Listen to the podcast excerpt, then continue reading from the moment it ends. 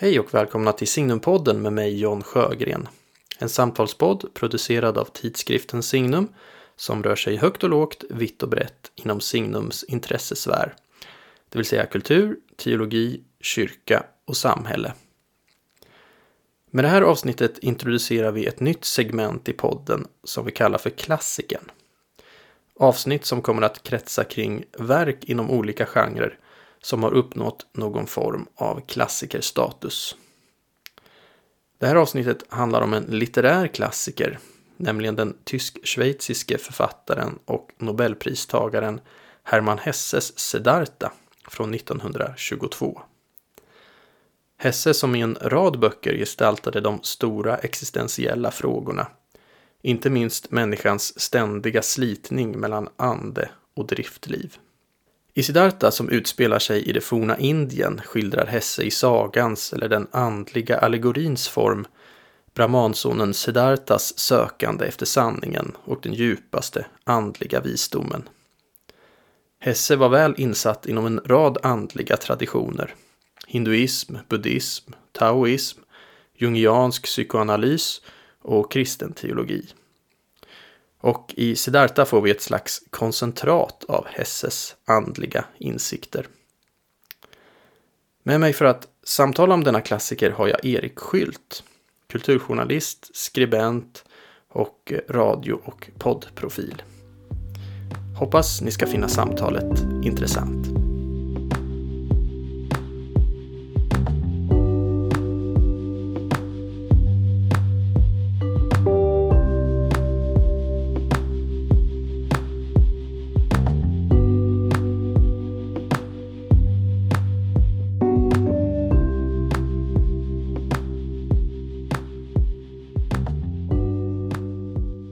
Välkommen tillbaka till Signumpodden, Erik Skylt. Tack så mycket. Eh, vi sågs här för eh, ett och ett halvt år sedan, något sånt där, tror jag. Vi försökte räkna ut det lite här tidigare. Någonting sånt var det, ja. Just det. Ja, jo, men det var ett tag sedan. Det var i alla fall före pandemin, vet jag. Mm, och före min son föddes också. Så just det, just det. Mm. Eh, att det var liksom väntans tider där. Och då pratade vi om sagans teologi. Så det var litteraturtema och det blir det idag igen. Det blir en helt annan typ av litteratur fast kanske lite ändå går in i varandra. Eh, vi ska prata Hermann Hesses Siddhartha. Eh, hans klassiker från 1922. Eh, ja, upprinnelsen till det här är att jag hörde dig i någon podd som du gör. Jag tror att det var Myter och Mysterier.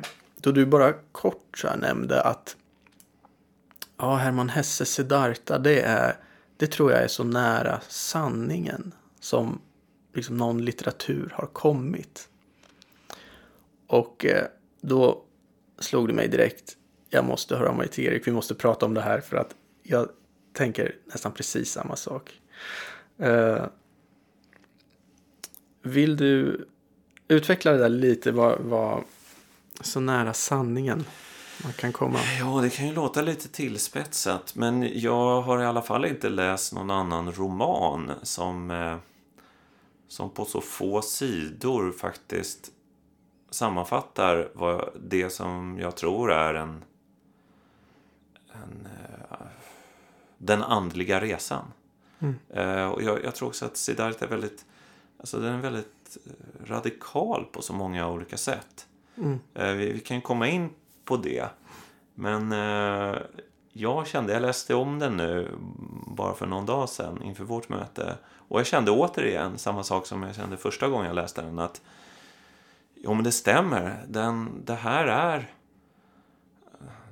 det här är nästan en bruksanvisning. Hur man når fram. Alltså hur man hittar hem. Eh, hur man slutar bli en sökare och kan vila i, i, i, ett, i ett tillstånd som, som då ligger bortom sökandet.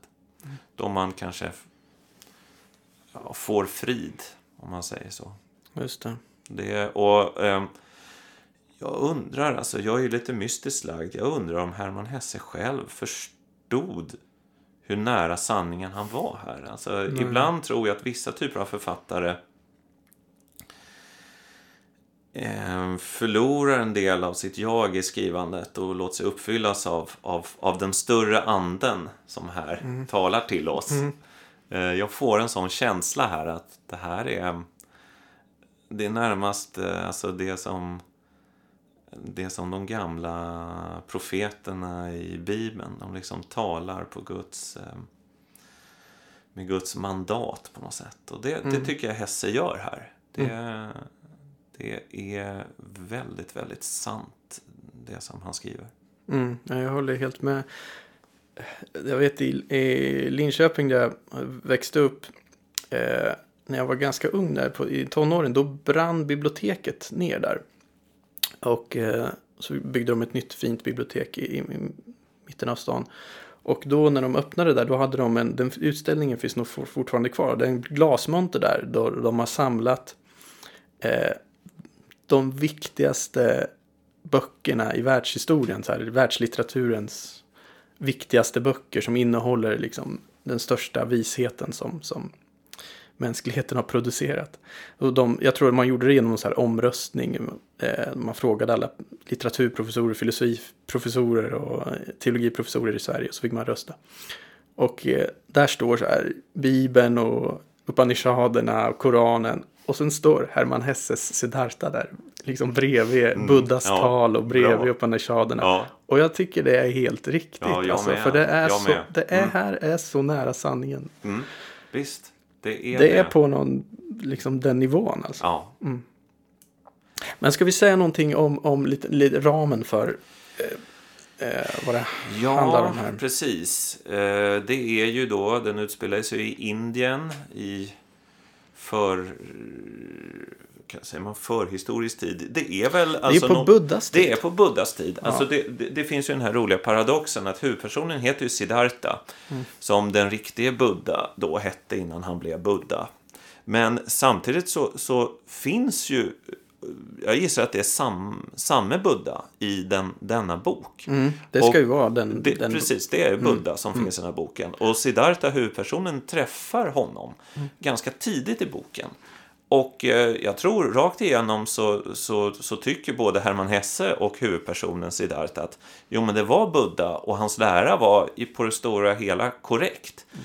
Men huvudpersonen kan då ändå inte följa honom. Nej. Och det är liksom, det är kanske det här där, där boken liksom eh, bränner till för första gången. Mm.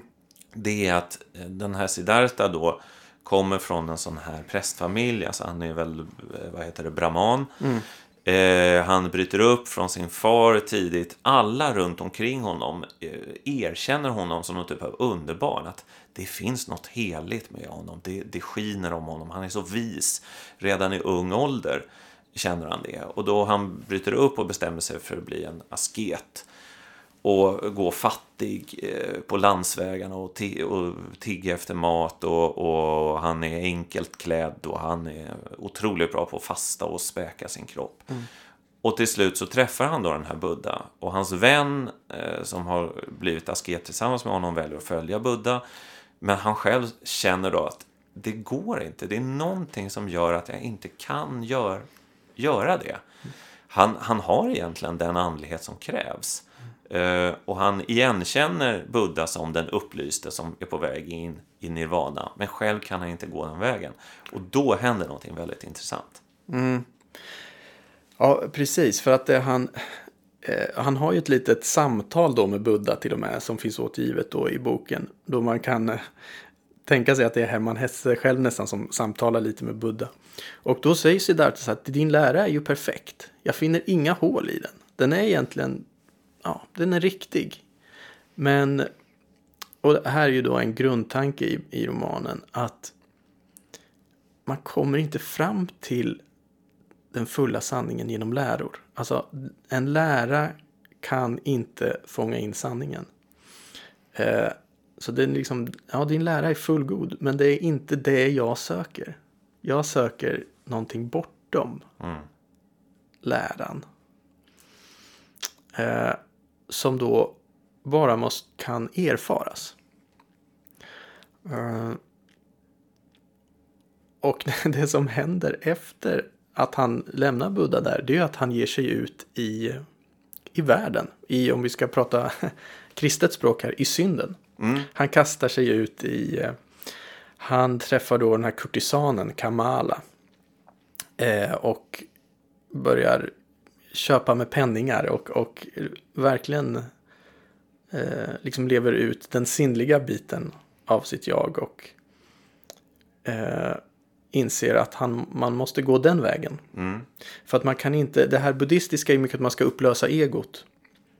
Eh, försvinna bort från sig själv. Men Siddhartas insikt är ju att man måste gå vägen via sig själv. För att sen kanske kunna eh, nå den här bortom egot eller bortom jaget. Han är ju väldigt duktig på att vara syndare också. Jaha, Alltså hon, den här kvinnan han möter, Eh, kurtisan eller prostituerad. Men hon är också den vackraste i hela staden. Och han bestämmer sig för att erövra henne eller vinna henne, vilket han också gör. Eh, Men hon säger då, jo men för att göra det så måste du bli väldigt rik, vilket han också blir. Och så att han är ju verkligen någon typ av hjälteperson, för att allting han tar sig för lyckas han egentligen med.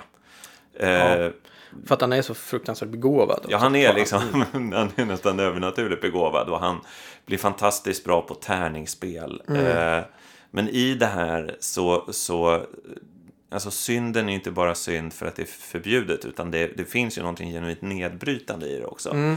Och ungefär halvvägs i romanen så har det visat sig att om man ska lägga lite en kristen kristet raster över det så har han ju blivit den förlorade sonen. Alltså det är verkligen att han vaknar upp i rännstenen eh, och har förlorat sitt liv. Eh, det är inte så att han är urfattig, för han är fortfarande rik, och, för det har han blivit som köpman. Men överflödet har gjort honom helt tom. Eh, och eh, han, skulle man kunna säga, drabbas av en djup depression faktiskt. Mm, och flyr från staden och eh, inser att, att eh, den här, eh, det här som en gång tvingade ut honom på vägarna som en sökare, den rösten har nästan dött. Och i och med att den är borta så är hans liv tomt och han har fyllt det med njutningar, men det gav ingenting.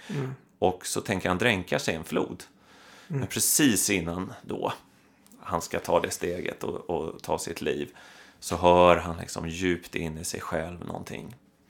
Och samtidigt hör han också någonting som verkar komma från floden. Och då tar berättelsen återigen en ny vändning. För att säga att han är då den förlorade sonen, mm, det är han på något sätt. Men hur ska han komma hem? Mm, ja, då börjar den berättelsen. Ja, precis. Den tar många vändningar. Vi kan komma tillbaka till det eh, för att eh, hur han skriver boken, Hermann Hesse, tillkomsthistorien är ganska intressant. Men jag kan komma tillbaka till det, för jag vill stanna lite i den här förlorade sonen, för vi pratade om det Eh, senast vi sågs, så kom den berättelsen upp. Och eh, jag kommer ihåg att du då sa att eh, i den historien så identifierar du dig med den hemmavarande sonen. Men här finns, i den här finns ju också den här tanken, jag tror han uttrycker det så någonstans, att man måste, alltså att man måste bli en syndare för att kom, kunna komma hem. Eh, och att även, och det tror jag finns en, en, eh, en formulering i en annan bok av Hermann Hesse, Steppvargen, alltså att även liksom synden kan vara ett väg till helighet. Eh, jag vet inte, vad tänker du om det som, som då när vi talade senast så var det så här, det, mm, svårt att precis. inte identifiera dig med Ja. liksom den, men här har vi den berättelsen igen där, att måste ut liksom i Jo, det här. det här är... Jag tror att... Alltså... Jag tror inte jag är helt eh, fel ute när jag säger att den förlorade sonen är, är Jesus viktigaste berättelse. Nej, det håller jag helt med Det, om. det, det, det skulle nog många teologer hålla med om. Samtidigt så är den ju eh, vid en första anblick djupt provocerande. För att, jag menar, den här hemmavarande sonen, han gjorde ju, han bara skötte sig ju.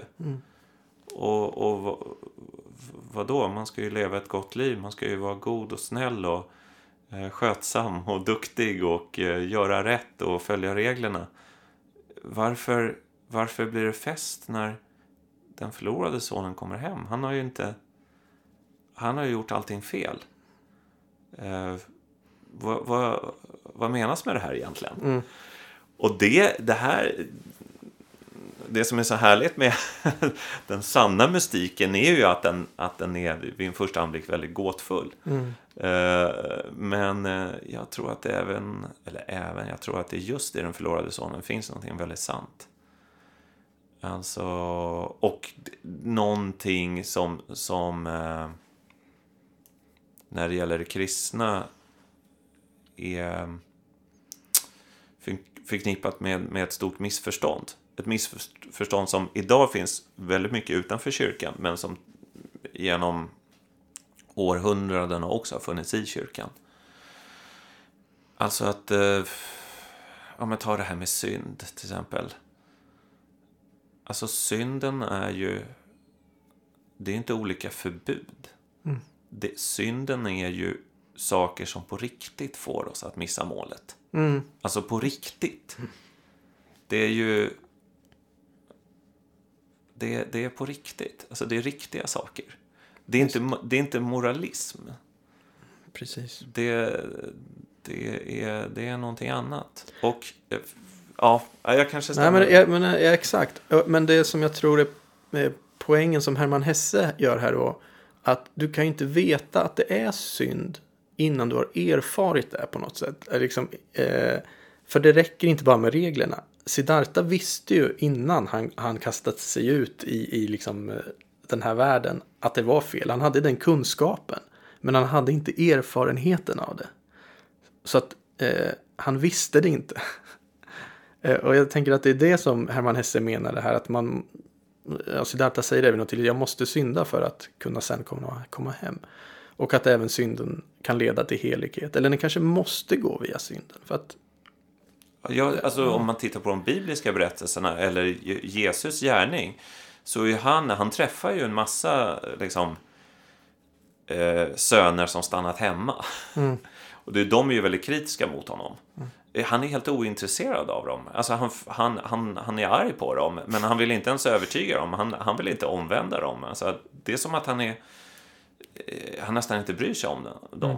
Däremot de som, som är de förlorade sönerna, som liksom förlorat allt på något sätt, de är han ju oerhört eh, villiga att gå till mötes. Och någonting, bara för att göra lite sådana där, ja det kan låta som en kanske märklig association, men när jag läser om olika frälsningsberättelser så blir jag ofta som mest berörd. Och, och det känns som allra mest genuint också med människor som, som på riktigt varit på botten. mm, just, Eh, Som, som, det, det var liksom kört på något sätt. Och sen så kom hoppet tillbaka. Alltså, såna, jag har mött sådana personer och läst om sådana personer. Jag brukar tänka, du vet, han som blir så populär i kristna kretsar, han gamle rapparen Sebbe Stax. ja, just det. Eh, Som var med i Staxet, han. Kartellen Mm. och han höll på med droger och massa kriminalitet. Men var samtidigt Mm. liksom upphöjd och många tyckte han var lite cool. Eller tyckte han var väldigt cool. Mm. Och sen så eh, liksom, eh, fick han en kristen uppenbarelse och nu är han någon typ av predikant. Mm. Och det där och direkt så har typ tidningen Dagen skriver alltid om allt som händer om honom. Och det, det kan man tycka, så här, ja, vad är det här för liksom eh, sockersöt frälsningshistoria? Men läser man vad han har varit med om så är det otroligt drabbande. Det är att han, som jag minns att han står liksom vid ett tunnelbanespår och liksom är djupt nere i missbruk och liksom han är, har en, en flickvän eller de kanske är gifta till och med men han liksom det där är kras, allt är kras, allt är kras, allt är kras. Men så kommer en liten, liten röst och bara gör det inte. Han tänker i princip hoppa framför tåget. Och då vänder allting. Och sen så strömmar då nåden in. Och i de där extrema berättelserna med människor som är djupt, djupt nere i någonting. Då är det ju, alltså det är riktiga mirakel. Och det- är där de som varit, eh, alltså ta i Bibeln, det är väl samma sak med Paulus. Ja, visst. Han har ju antagligen dödat kristna. Mm. Förföljt dem liksom. Eh, och kanske torterat dem. Alltså, vem vet? Mm. Men samtidigt så bara så sker den här enorma omvändelsen På en sekund på en sekund. Ja. Och, ehm, och, och det finns ju även här i Siddhartha, även om det Ja. inte är lika, lika dramatiskt. Nej, men det är ganska dramatiskt. Han ska, han ska ju ta livet av sig. Ja, det ska han ju faktiskt. För att han har ju precis som du sa där, alltså han förtvivlar ju till slut då. Mm. Han det är bara tomhet. Kommer han ju fram till. Och så söker han sig då till floden. Mm. Och ska kasta sig i floden. Ja, Det, det är, nu ska han dö helt enkelt. Men då hör han ju det här ordet då inom sig som Mm, är just det. hinduismens allra heligaste stavelse. Om eller aom eller Mm. om som det sk- skrivs på svenska då. Mm. Som är då en s- symbolen för världsalltet, för Gud. Eh, så hör han det inom sig. Och då kan han inte göra det. Utan då, då vaknar han till slut upp där vid floden. Och det är ju om man ska prata kristna termer då nådens inbrott på något sätt. Som kommer just när han är på botten. Det kanske måste vara precis som du säger. Ja. Han, han var tvungen att komma dit. ja. Och då blir han plötsligt räddad då. Mm. Och säg, men det intressanta är då här att säga att han då, om han är den förlorade sonen, han reser sig upp ur rännstenen, han går tillbaka, eh, han kommer hem eh, på något sätt för att han, han, han stannar över den här floden och blir då färgkar. Eh, bosätter sig där och lär sig det av en, han träffar den, den, den äldre färgkaren som har forslat folk över floden tidigare och han får samma yrke. Men det är inte slut där utan det, det händer ju, det finns en vändning till i historien. Som också den går att läsa väldigt kristet faktiskt. För att det som händer är att av en slump så kommer då k- kvinnan från staden som han bara har övergett. eh, För att han var Kamala. så deprimerad. Kamala, ja. Hon kommer där. Och det visar sig att hon har en son. Och det är hans egen son då, som är 11 års åldern. Som också heter Siddhartha. Precis, han heter också Siddhartha. Och, och hon är döende för hon har blivit biten av en, av en orm. Och dör då i hans händer, eller i hans armar. Men hinner berätta att det här är din son. Och han får då ta hand om sonen som han älskar djupt. Men sonen älskar inte honom. Nej. Och det här är plågsamt verkligen. Det, det är jobbigt att läsa. För att han är outhärdlig, det där, den där barnet. Eh, och det här blir ju då Siddharthas sista prövning. Eh, ska han kunna släppa taget om sonen? Och det är ju, ja. Tala om den ultimata utmaningen. Det, det handlar ju såklart mycket i det andliga livet om att kunna ja, men släppa taget om saker. Och kärlek är ju mycket att kunna släppa taget också om, om det vi älskar allra mest. Och att Mm, ja, bli, bli kvitt sina bindningar som man brukar säga då. Ehm, och här får han den ultimata utmaningen. Och eh, det är så svårt, ja, man känner det ju själv. Vi, vi, vi har båda blivit fäder här för inte så länge sedan. Ehm, alltså den... Det, det, är en sån hård andlig eh, visdom också i det. Att du måste kunna släppa taget. Och inte heller vara beroende utav ditt barn. Nej. Det är en, det är en hård sanning. Men det finns, som jag läser, det finns något ännu djupare här. För att i det här ögonblicket, när sonen dyker upp, så lär han sig att älska. Han har Mm, inte kunnat precis. göra det innan. Men problemet är att, för att han har ju varit inne i, i det mer traditionellt buddhistiska, att han, han, ska, ja, han ska släppa, släppa bindningarna till världen. Men här så, så, så blir han, han kallar ju sig själv för, visst är han kallar det barnmänniskan. Mm, precis, Alltså, barnmänniskorna. Mm. Ja, och han, blir som, ja. han blir som alla andra. Ja. Eh, eh, och han börjar då älska sonen, men sonen eh, gör uppror och till slut så rymmer sonen tillbaka till staden och han förlorar kontrollen över honom. Och han kommer tillbaka till den här äldre färgkaren och sitter där. Men han kan ju inte släppa sonen, utan han, som jag tolkar i alla fall, kommer leva resten av sitt liv som evigt sårad. Mm. Evigt skadad.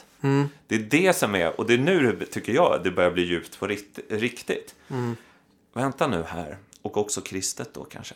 Vad då måste vi bli sårade? Är vi inte här för att bli helade? Ja, vänta nu här. Ja, hur är det egentligen? Mm. alltså, den förlorade sonen i Bibeln den tar ju slut med, med att festen är... Eh, eh, fadern eh, ställer till med festen och sen, sen är det färdigt. Men vad hände efter det? Liksom, var alla spänningar eh, mm. lösta där? Ja, kanske inte. Mm. Det kanske fanns en efterhistoria. Och den efterhistorien tycker jag vi får ta del av här i Siddhartha. Mm. Där han liksom får... Han lär sig älska Eh, men han lär sig också att han måste leva med smärtan och förlusten. Och mm. han är sårad. Men det är just det här såret som gör att han... Det är hans väg till helighet. Ja, det är mm. det. Mm. Det var det som synden skulle leda till. Skulle leda till såret. Mm, precis. Och, och nu tycker jag att det nu börjar bränna, bränna, mm. brännas till här. Ja, verkligen. Ja, nej, så är det. Och det, det där är ju... Mm, men som sagt, man kan koppla det där lite till tillkomsthistorien också. För att Hermann Hesse börjar skriva boken 1921. Och sen fastnar han precis därefter Buddha. Eh, eh, efter deras samtal. Och han vet ungefär hur det ska sluta. Han har det i huvudet. Men han kan inte skriva det säger han. Det tar, för att jag har inte erfarenheten.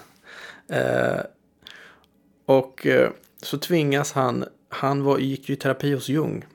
Eh, så att han söker upp Jung och går ytterligare några terapisessioner där och liksom kommer ner liksom ännu mer på djupet. Eh, och kanske då hittar såret på något sätt. Och då, sen efter något halvår eller vad det är så liksom släpps det lös och han kan skriva det här sista. Eh, jag tycker det säger någonting om, om boken också, det här att man måste erfara någonting och gå igenom erfarenheten. Och måste in i det där såret då. Mm. Att det går inte att skriva fram den här visheten på ett rent upphöjt andligt plan. Nej. Utan man måste ner i det och in i det här såret. Och Hermann Hesse själv hade också såriga relationer till sina barn och sådär. Uh, nej, så det där är intressant. Alltså. Jo, men det, det intressanta är väl att det, det perfekta, i alla fall här på jorden, är skadat. Mm. Alltså det perfekta i, i, i dess oskadade form är liksom falskt.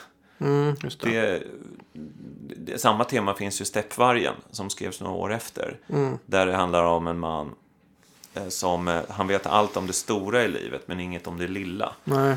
Så att, och det han måste lära sig dansa. Ja, precis. Mm. mm. ja, precis. Han måste göra enkla saker. Mm. Och jag vet inte, det, jag vet inte om... De här böckerna är ju så älskade så jag, jag tror inte det finns någon människotyp som faller för, för, för en extra mycket. Men, men jag som upplever mig själv som en stor del av livet har varit väldigt kontrollerad. Mm. Och sökt på ett ganska så um, teoretiskt sätt. Mm. Då blir det här uppmuntrande. För det är så här, vänta nu här. Du måste du måste ur det här idén om det rena och perfekta och mm. uh, oskadade. Alltså det leder bara till depression. Det. det. leder till att du själv inte passar in i ekvationen. Nej, för att man själv är inte sådär. Uh, man är inte sådär rationell och... Uh, Nej, det blir omänskligt. Det blir omänskligt, mm. ja. ja. Och där så är de här böckerna då väldigt förlösande. För de, de kastar ut den i livet på något sätt. Mm. Och så får det bli som det blir. Och så får man hoppas att man hittar fram ändå. Ja, precis. Och, men mm, jag, jag känner ju verkligen inte att jag har den andliga styrkan att gå Siddhartas väg. Alltså, Nej, det, men det är, det är få på, som har. Det är nog väldigt få som har. Alltså, mm. På så sätt är det ju verkligen en saga. Mm. Den är inte alls det finns i princip inget realistiskt i boken. Alltså det, han är, han är allt han är en, allt för mycket en hjälte för att det här jo, men det skulle vara något annat än en myt. Liknelse eller andliga allegorier. Ja, precis. Sånt Det, är den, det är den genren. Ja. ja så, så, man ska inte läsa, det är verkligen inte en realistisk roman så, om, om liksom Nej. hur det var i Indien på 500-talet före Kristus.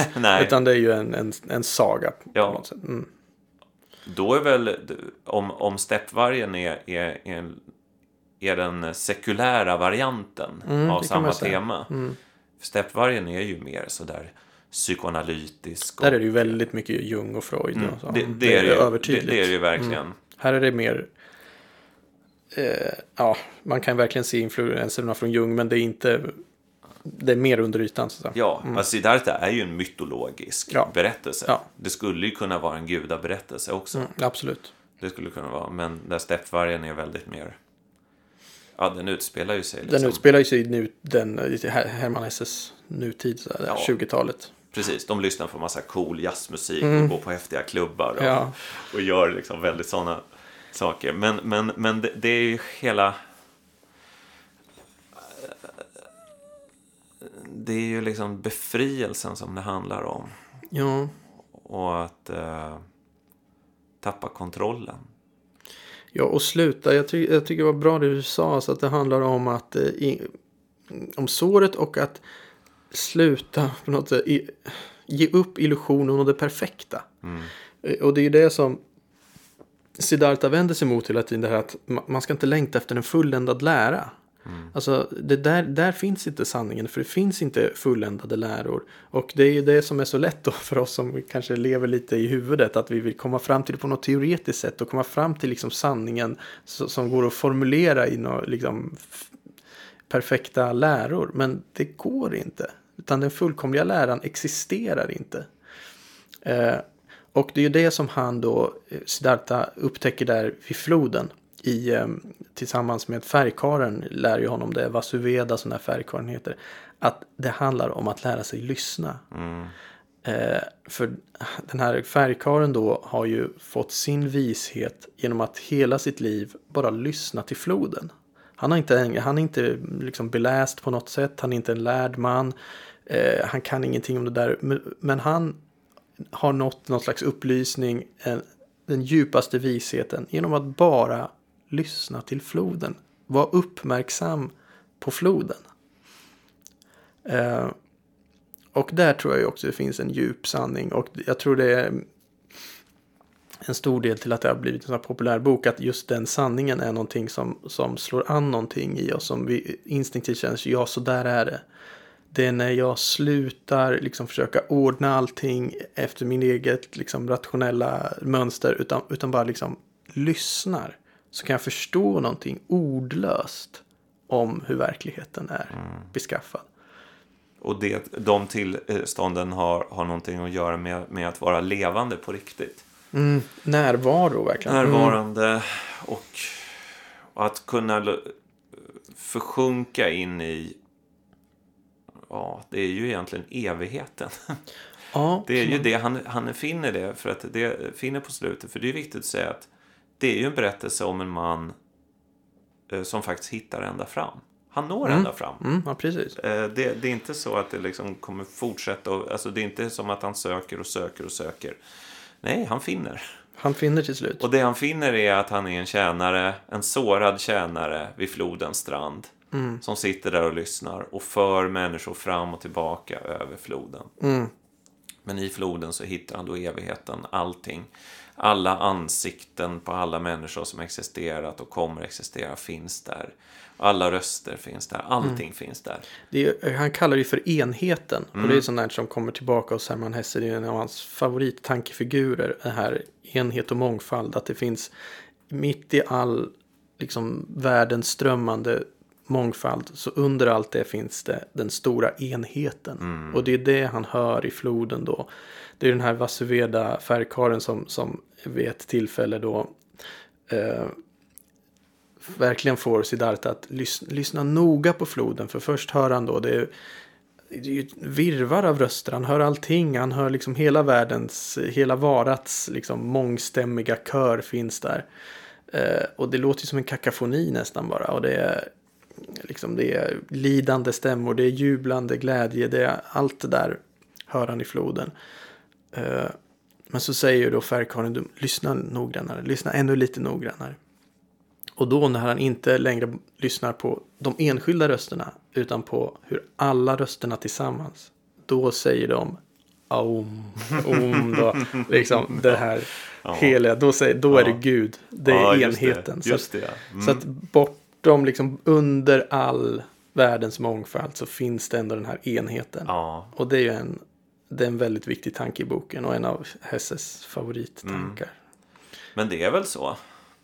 Ja, det, det är ju egentligen den, en ganska bra beskrivning utav eh, en traditionell gudsbild som nästan finns i alla Mm.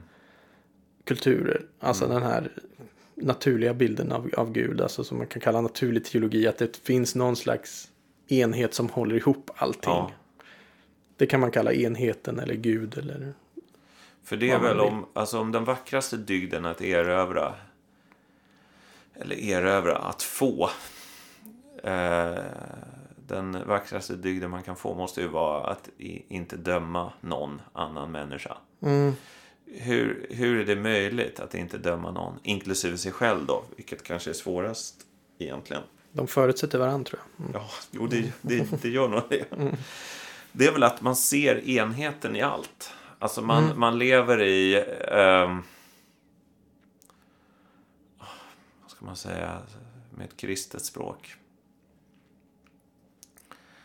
Man lever redan liksom i, i, eh, i det framtida riket. Då, då, då, då liksom Kristus är allt i alla. Mm, Eller hur? precis.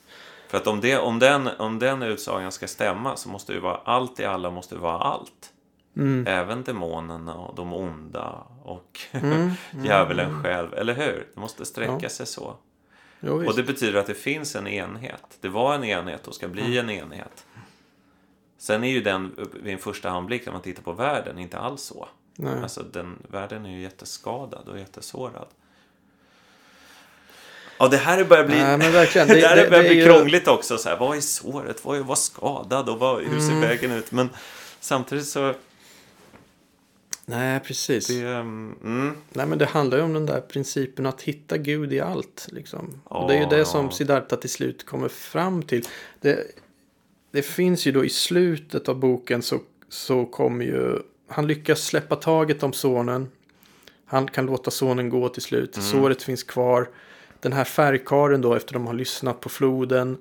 Eh, hört Guds röst eller aum där i floden. Så går ju eh, färgkaren in i skogen. In i enheten som säger. just det. Så att han, Mm. han liksom går upp i någon slags upplysning. Han, han får bara försvinner och så blir Siddhartha kvar där Mm. och han tar över liksom rollen som färgkarl. Då kommer ju Govinda tillbaka, alltså hans kompis från barndomen Precis. som blev buddhist. Just det, som följde Buddha. Som följde Buddha. Mm. Nu kommer han tillbaka där och, och bara faller sig så då att han blir en av de här som Siddhartha ska föra över floden. Mm. Och då avslutas ju boken med att de har ett litet samtal. Mm. Då, då, då, visserligen säger Siddhartha, han tror inte på läror, men Govinda eh, liksom ställer ju ändå de här frågorna, men har du kommit fram till, har du funnit sanningen nu då? Och då har de ju en liten dialog där, där Ja, Siddhartha ändå Den lägger fram bra. sin, lä- För sin Govinda, lära. han har ju inte blivit lycklig. Alltså Nej. trots att han har sökt och sökt och följt eh, Buddha och erkänt och alla är överens om att det var Buddha. Och denne Mm. Buddha är ju också död nu. Eller ligger i alla fall för döden. Ja, precis. Eh, och ehm, han är ändå inte lycklig utan fortfarande liksom Nej, precis. bär oron i sig. Ja, han är fortfarande fast i den här eh, eh, i, i liksom läran också. Att han vill ha eh, han vill ha den perfekta läran. Och, och han blir ju liksom frustrerad på Siddhartha. För att han försöker då peta på Siddhartha. Men kan du inte säga nu för att han har inte hittat det.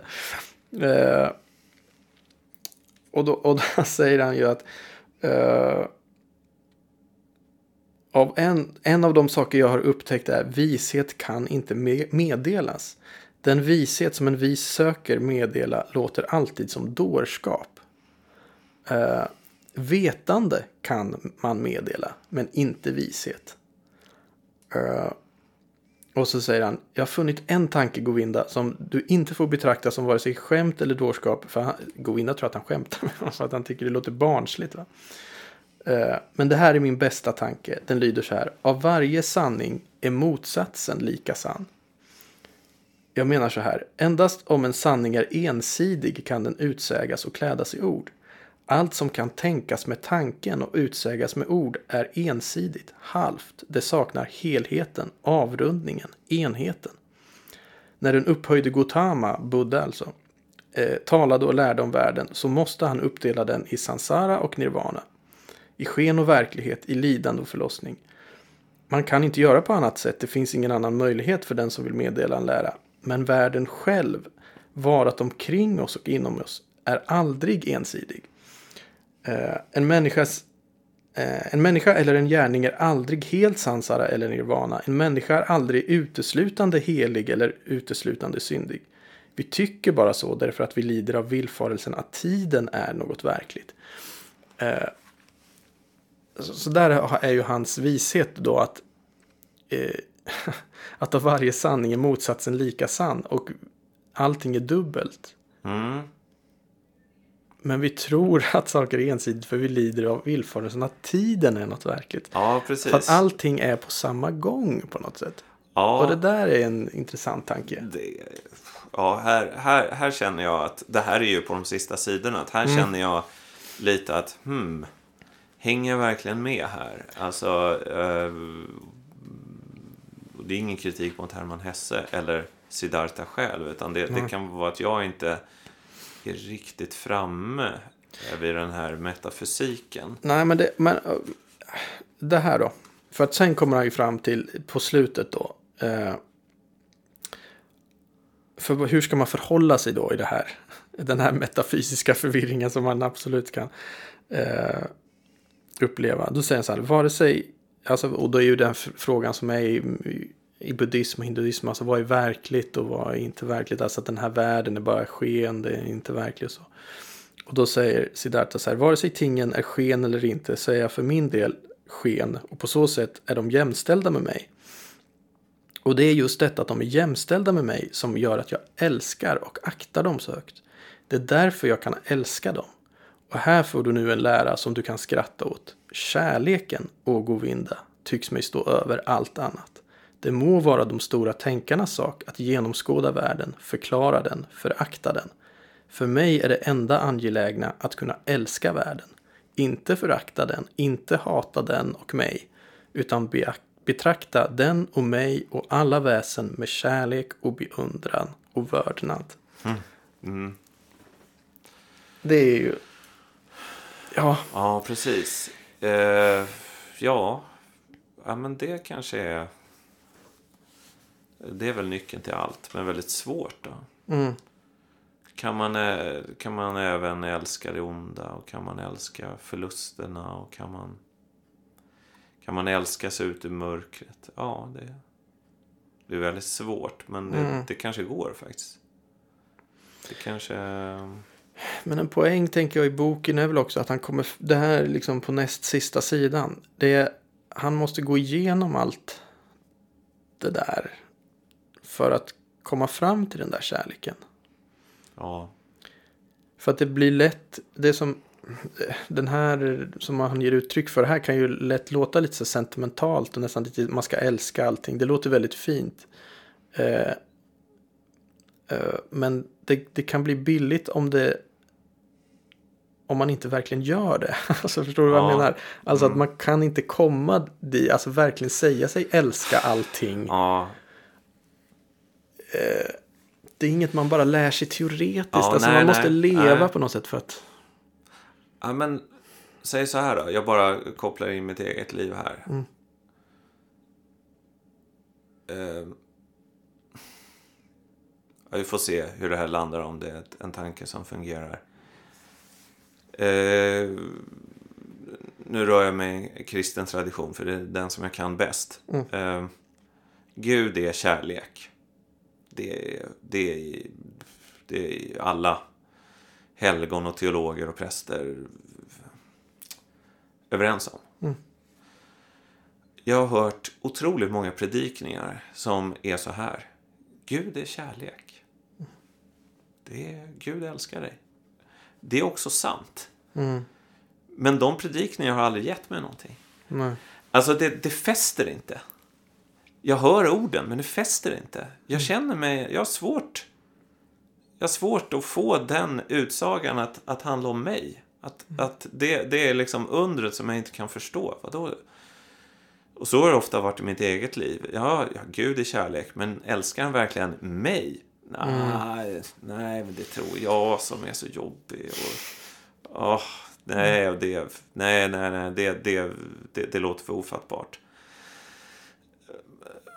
Hur ska man förstå det här? Alltså det här Hesse kommer in tror jag. Mm. Alltså det går inte att förstå på ett sånt teoretiskt. Det går inte att höra det. Alltså det måste bara eh, upplevas på något sätt. Mm. Det, det, det finns något i, i alla läror som blir stumt om det, inte, om det inte först är en erfarenhet i världen. Alltså så här, vad är, vad är världen? Det där brottas jag mycket med. Jag tycker att jag är född med, med någonting som, som har varit eh, intressant att ha, men också har varit en stor plåga. Det är att jag... Eh, jag, har liksom en eh, medfödd religiositet, skulle man kunna säga. Den, mm. den har funnits sedan barnsben. Jag har liksom aldrig tvivlat på att världen är stor och magisk och eh, genomsyrad av något eh, stort okänt som man skulle kunna, kunna kalla för Gud. Det där har aldrig varit en, det har aldrig varit en kamp. Jag har aldrig brottats med en aldrig brottats med några djupa ateistiska tankegångar någon gång. Men mitt stora problem är att jag är ungefär i den här första fasen som Siddhartha. Liksom. Mm. När han vandrar där som eh, egendomslös i skogen och ska liksom göra sig fri från världen. Jag har aldrig förstått vad den här världen är till för. Om man nu har fått en typ av försmak av himmelriket, vilket jag tycker att jag har fått ibland, mm. ofta i som, som, som du har skrivit om också, alltså i en musikaliska och konstnärliga upplevelser. Mm. Det, det har ofta varit väldigt, väldigt starkt. Här är ju himmelriket. Varför är jag inte där nu? Varför ska jag plågas här nere med alla tillkortakommanden och mina egna hundratals brister som jag är så fruktansvärt trött på. Mm. Ge mig tillgång till himmelriket nu. Mm. Det där kan ju nästan leda till någon typ av dödslängtan. Ja. Alltså det, det, det, blir väldigt destruktivt och det där har jag, har jag brottats med. Och, och också att jag känt ett sånt genuint ointresse för världen, vilket också varit mm. smärtsamt. Orkar inte lyssna på någon, orkar inte höra någonting, inte intresserad av någonting. Mm. Det är bara tomt för att jag har fått smak på någonting annat. Och i det här så finns det då ett förakt, inte förakt, det finns en, en, en, en, eh, en leda som är kopplad till den här världen. Mm. Men jag tror att den ledan måste över, för att jag ska bli hel då, så måste den över, övervinnas. Jag, jag har kämpat, särskilt de senaste åren, att, att liksom inte bara sitta i mystikens dunkel och drömma mm. mig till himmelriket eller eh, Muminpappans ensamma ö eller vad det nu är eller till Lottlorien i Sagan om ringen-världen. Liksom. Det där jag sysslat med hela livet. Mm. Drömmen om himmelriket, att komma dit nu eller Tom Bombadils stuga eller vad det nu är.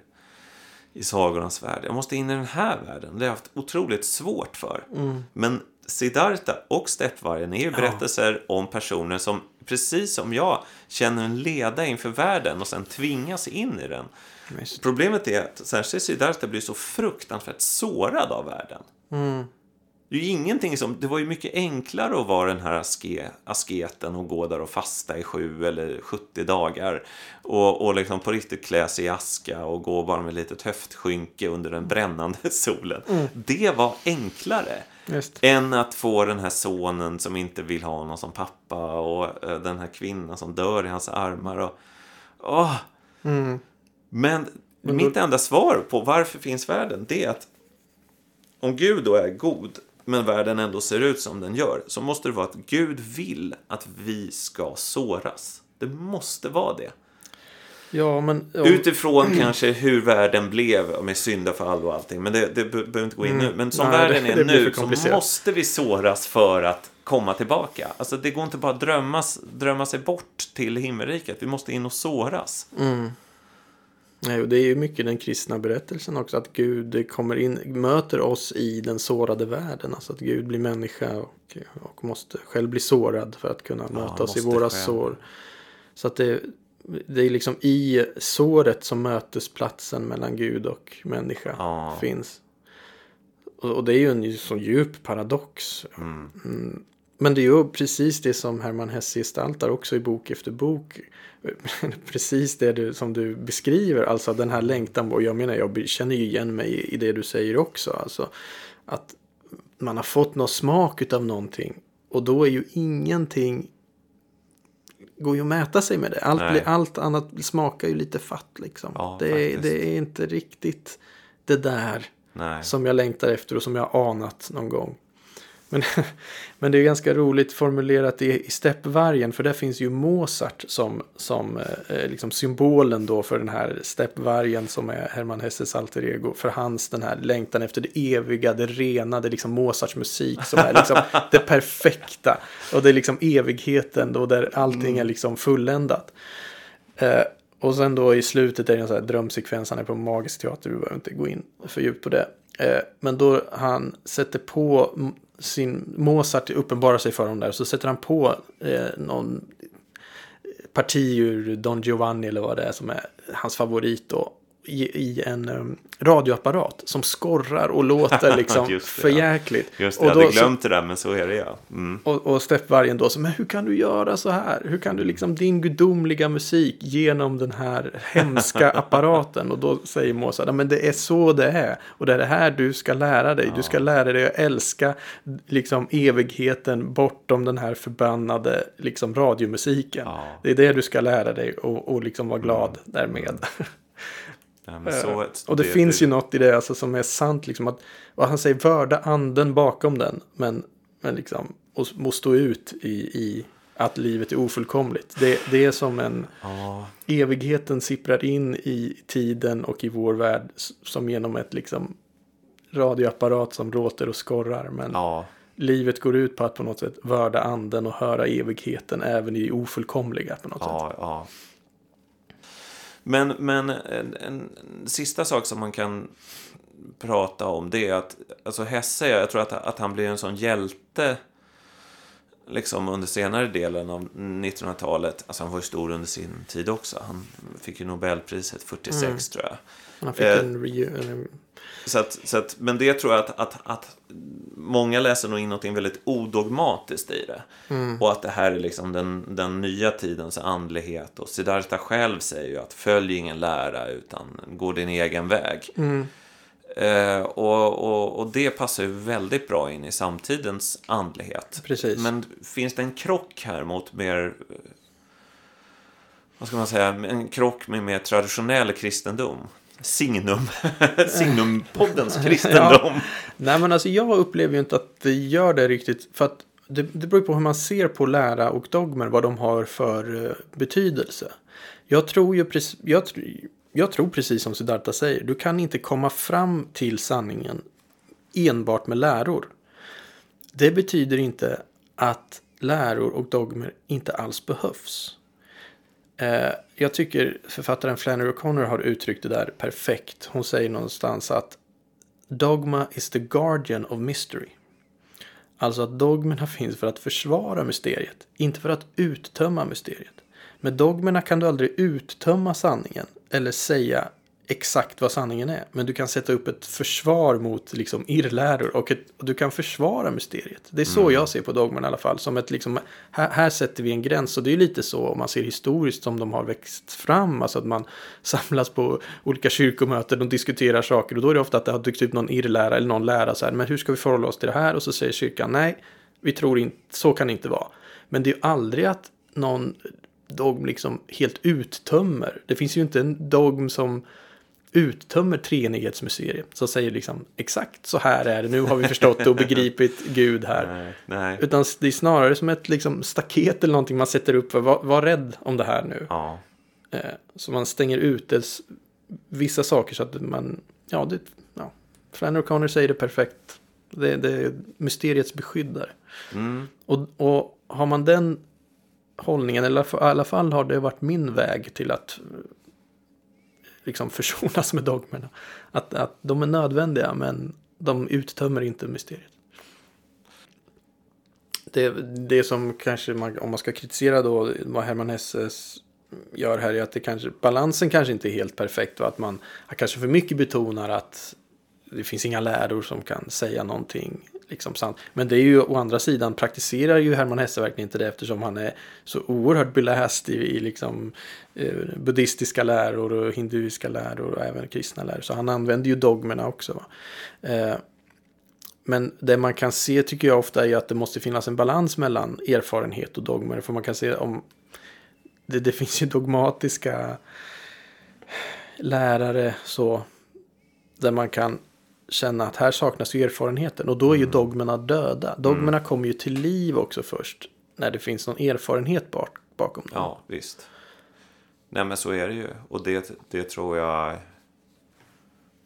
Jag som ägnat en stor del av mitt liv eh, åt att vara en sökare. Jag, jag kan säga nu med ganska stor självsäkerhet att den vägledare, vare sig det är en präst eller en författare eller bara en vanlig människa eller vad det, vad det nu är för typ av person som inte har gått ut i världen och på något sätt blivit sårad.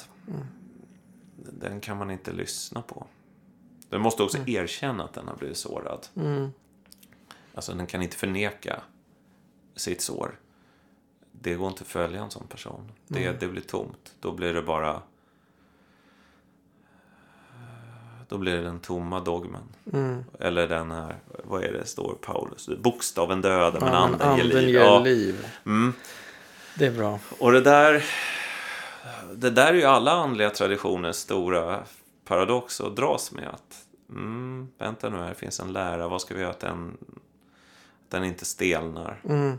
Och sen är det väl också att det stelnar ibland, sen kommer det mer eld, Ja, ja. sen blir det för livfullt, sen stelnar det igen och så tillbaka. Så. Ja, så Mm. är ju den. eh, Det är bara att se på kyrkans historia. Så det, är, det är så det funkar. Jo, tack.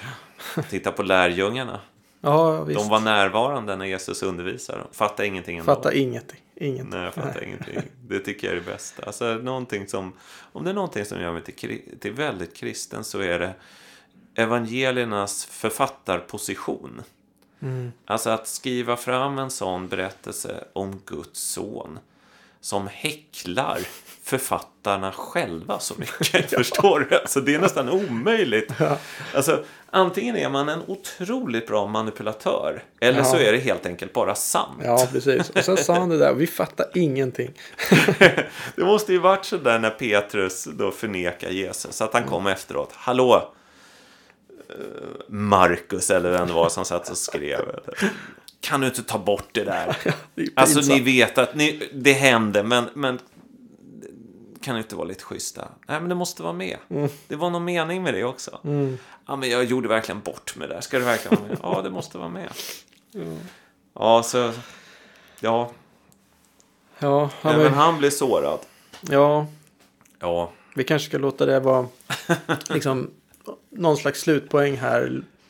Ja, jo, den sårade. Vil, vila i det ofullkomliga. Ja, jo. Låta sig, våga låta sig bli sårad. Ja, Det är såret som mötet äger rum ja. med det gudomliga.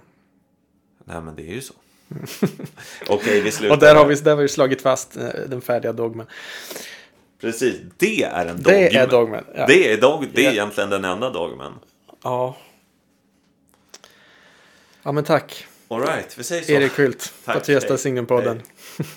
och eh, tack alla ni som lyssnat och lyssna gärna på oss igen i nästa avsnitt. Hej så länge.